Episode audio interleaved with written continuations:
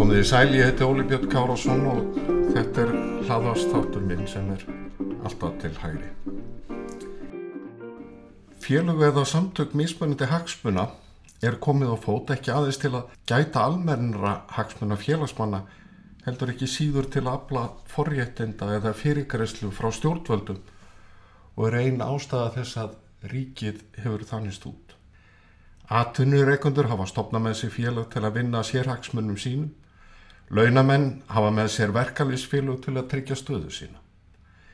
Sveitastjórnamenn hafa samvinnu sín á milli í sérhagsmenn og gæslu fyrir byggðalög um landallt. Listamenn standa sammelega vörðum hagsmennu sína og það gerða íþróttamenn einnig. Öryrkjar eiga sín samtök sem berjast fyrir bætum hag, líkt á eldri borgarar og námsmenn. Það er ekkit óeðlilegt að hagsmunarsamtök vinni að framgangi þeirra mála sem varða félagsmenn þeirra mestu. Þetta á viðum samtök fyrirtækja og launafólks sem öll vinna hins vegar einhvers konar sér hagsmunum. En það er rétt að hafa í huga á stundu geta sérhagsmunir ekki aðeins farið saman við hagsmunni almennings heldur beinlegilis elda og styrt en það oft barast fyrir framgangi mikilvægra réttlætismála sem snerta flesta ef ekki alla. Sérhagsmuna bandalögin eru fjölmörg og fleiri en flestir gera sér grein fyrir og það er langt í frá að þau vinnu öll alltaf gegn almanna hagsmunum. Þvert á móti eru mörg dæmi um við gagstaða. En bandalag sérhagsmuna getur því bæði verið jákvægt og neikvægt fyrir samfélagið. Hagsmunabandalag eru hluti af frjálsu samfélagi En eftir því sem umsvið hins ofinbera, það er ríkis og sveitafélaga, eru meiri, því nöðsynlegra er talið að mynda félög eða samtök til að tryggja hag einstakar hópa atvinnugreina eða fyrirtækja. Já, við líbúar einstakara hverfa taka sér sama til að tryggja hagsmunni hverfisins þegar sveitastjórnumenn setjast niður og útila fjármunum og gæðum. Í kapplaupi við útlutun gæða standa öflugir þrýstuhópar vel af í en einstaklingurinn á litlega það enga möguleika. Hér skal því haldið fram að fáir Íslendingar standi utan við sérhagsmunabandalög af einhverju tægi. Hagsmunahópar geta og hafa mikil áhrif á störf og stefnu stjórnmálumanna, stjórnmálaflokka og stjórnvalda og því er mikilvægt að sé á hversögna. Það er auðveldar að mynda fámennan sérhagsmunahóp en fjölmennan. Þannig er auðveldara fyrir bændur að taka höndum saman til að tryggja hagsmunni sína en fyrir neytendur landbúnaðavara að standa vörð um hagsmunni sína. Neytendur er ekki einslitur hópur, heldur sundraður með mísjafna hagsmunni. En hver bóndi hefur meira að vinna en hver neytandi.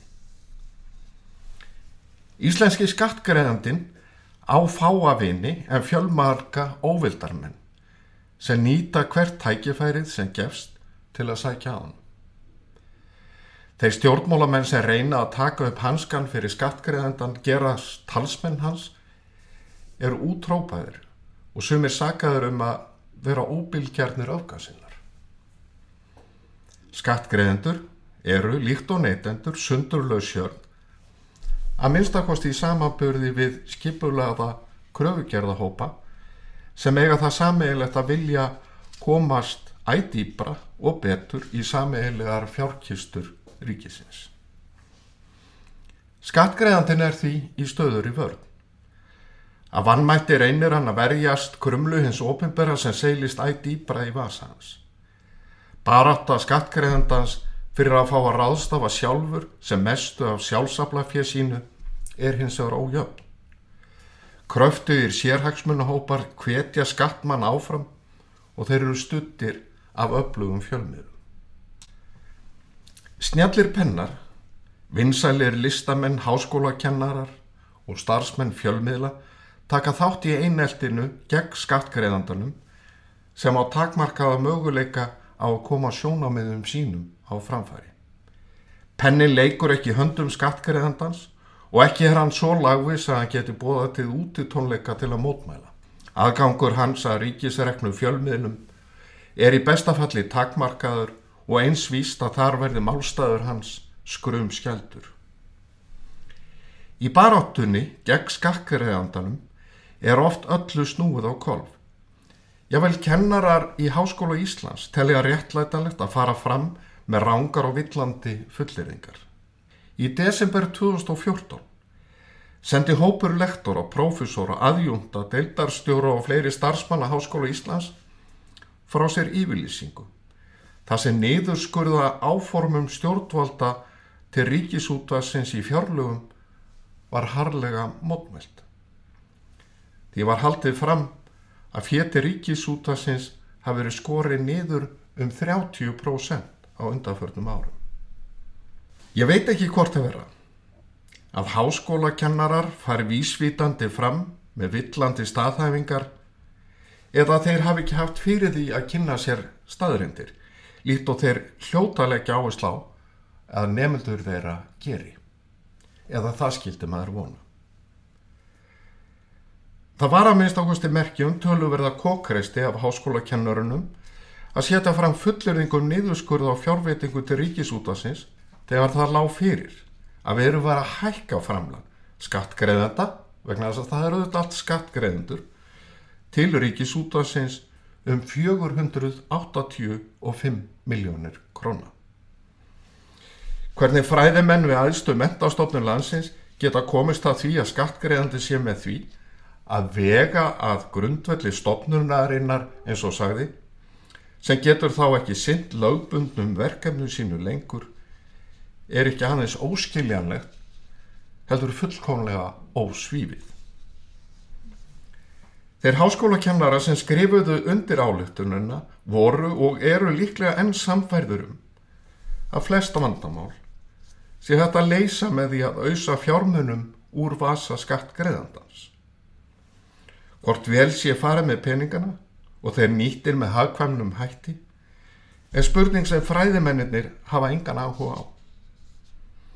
Skattgreðandin farið þetta ekkert um það að segja hvort hann vilji nota þær þúsundir miljónir króna til að styðja við listir, menningu, kvikmyndu og daskrákjærð með öðrum hætti en með umfólkmiklum rekstri ríkis fjölmiðils.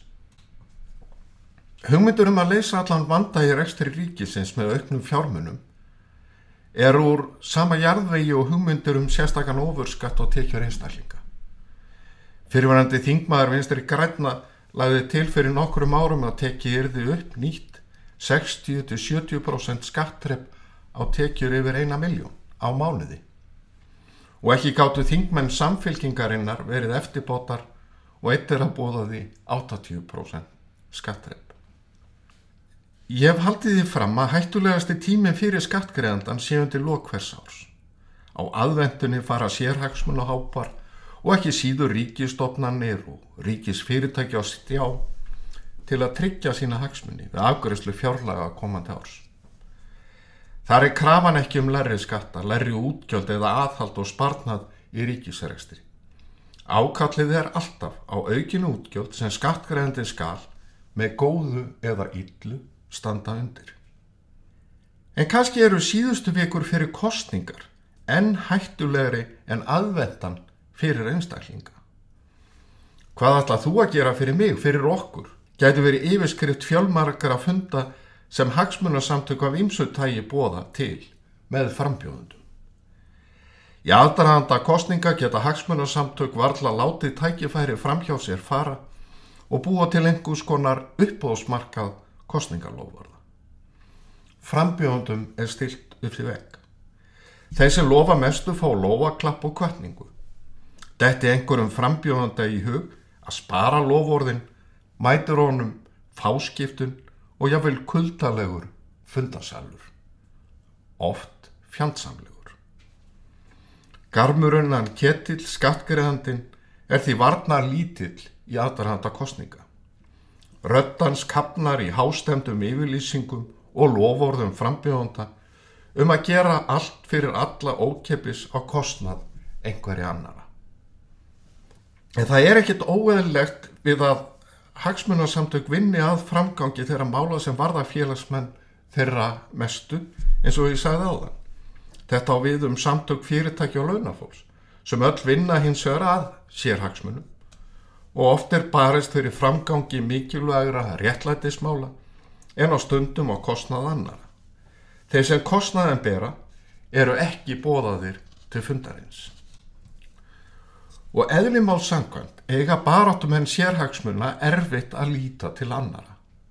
Markmiðið er jú að skara eldað eigin köku með einum eða öðrum hætti. Sífælt floknara regluverk hefur knúið á öflugri hagsmunna gæslu.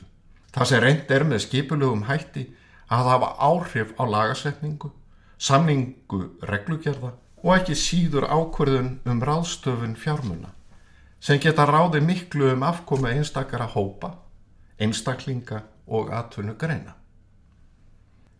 Á síðust áratugum hafa völd og áhrif íminsara sérhagsmunnu hópa aukist og margir hafa yfir meiri fjármunum að ráða en áður. Lögbundin staða þeirra hefur verið tryggð.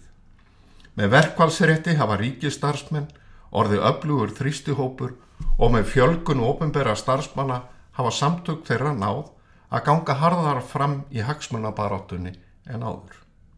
Það er því engin tilviljun að stjórnmálamenn taka auki tillit til hagsmuna ríkistarfsmanna, ekki síst þeir stjórnmálamenn sem telja sig eiga þar eitthvað pólitíst bakland. Þið sama á við um aðra þrýstihópa sem margir hafa fengið lögvendaða sérstöðu.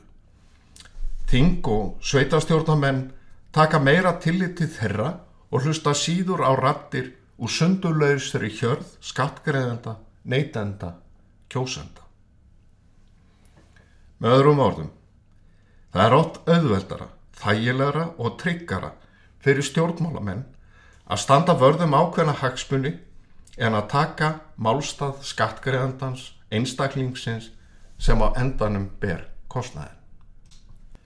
Hagsmunarsamtök hafa launaða starfsmenn á sínum snærum til að afla upplýsinga, tólka þær og matreiða fyrir stjórnmálamenn, fjölmiðla og almenning. Eftir því sem lög og reglur eru flóknari aukast áhrif þrýstihópa en það búa þeir yfir sérþekkingu sem annarkvort er útlökað fyrir stjórnmálamenn að afla sér eða það eru á kostnaðasamt eða á tímafregt. Hagsmunuhópar tryggja sumir stöðu sína með því að styðja við bakið á stjórnmálamennum eða flokkum beint með peningum eða óbeint með því að auglisa og koma á framfæri sjónarmiðum, viðkomandi eða berjast fyrir sömu málefnum og setti er á öllin. Og tilverður eins konar ringur, bandalega.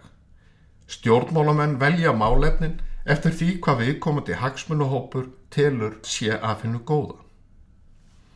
Eftir því sem það verður dýrara eða réttara sett erfiðara og flóknara fyrir stjórnmálaflokka að koma sjónamiðum sínum á framfæri því meiri líkur eru á því að hagsmunuhópun takist að hafa áhrif á stjórnmálamenn með beinum hætti. Stjórnmálamæður sem vinnur gegn sérhagsmunum forra á kostnað almennings vinnu sér aldrei vinsældir meðal þrýstihópa. Og eitt dæmi. Stjórnmálumæður sem best fyrir því að draga ríkið út úr fjölmiðlarekstri nýtur ekki sömu velvildar starfsmanna ríkis fjölmiðilsins í efstaleiti og sá sem beitið sér fyrir herri afnótagjöldum það er að segja herri skottum og almenning til að styrkja ríkisrekstur í samkjæfni við engaðina. Og hvor skildi hafa greiðari aðgang á hljóðnemannum og myndavilni? Sá sem vil draga úr ríkisrekstri og sviði fjölmiðlunar eða sá sem stendur vörð um hagsmunni ríkis útvarsins. Líkt á í öllum líðfrjálsum löndum er samþætting hagsmunuhópa og stjórnmála staðurind hér á landi. Slík samþætting er óhjákvæmileg en standi viljið kjósanda til þess að draga úr áhrifum þrýstihópa eiga þeir í raun aðeins eitt kost. Að draga úr umsöfum hins ofinbera og einfalda allt regluverk. Að öðrum kosti heldur hinn sundurlausa hjörð skattgreðenda, kjósenda og neytenda áfram að borga reikningi. Ég þakka þeim sem hlýtu, eigi góð og stundir.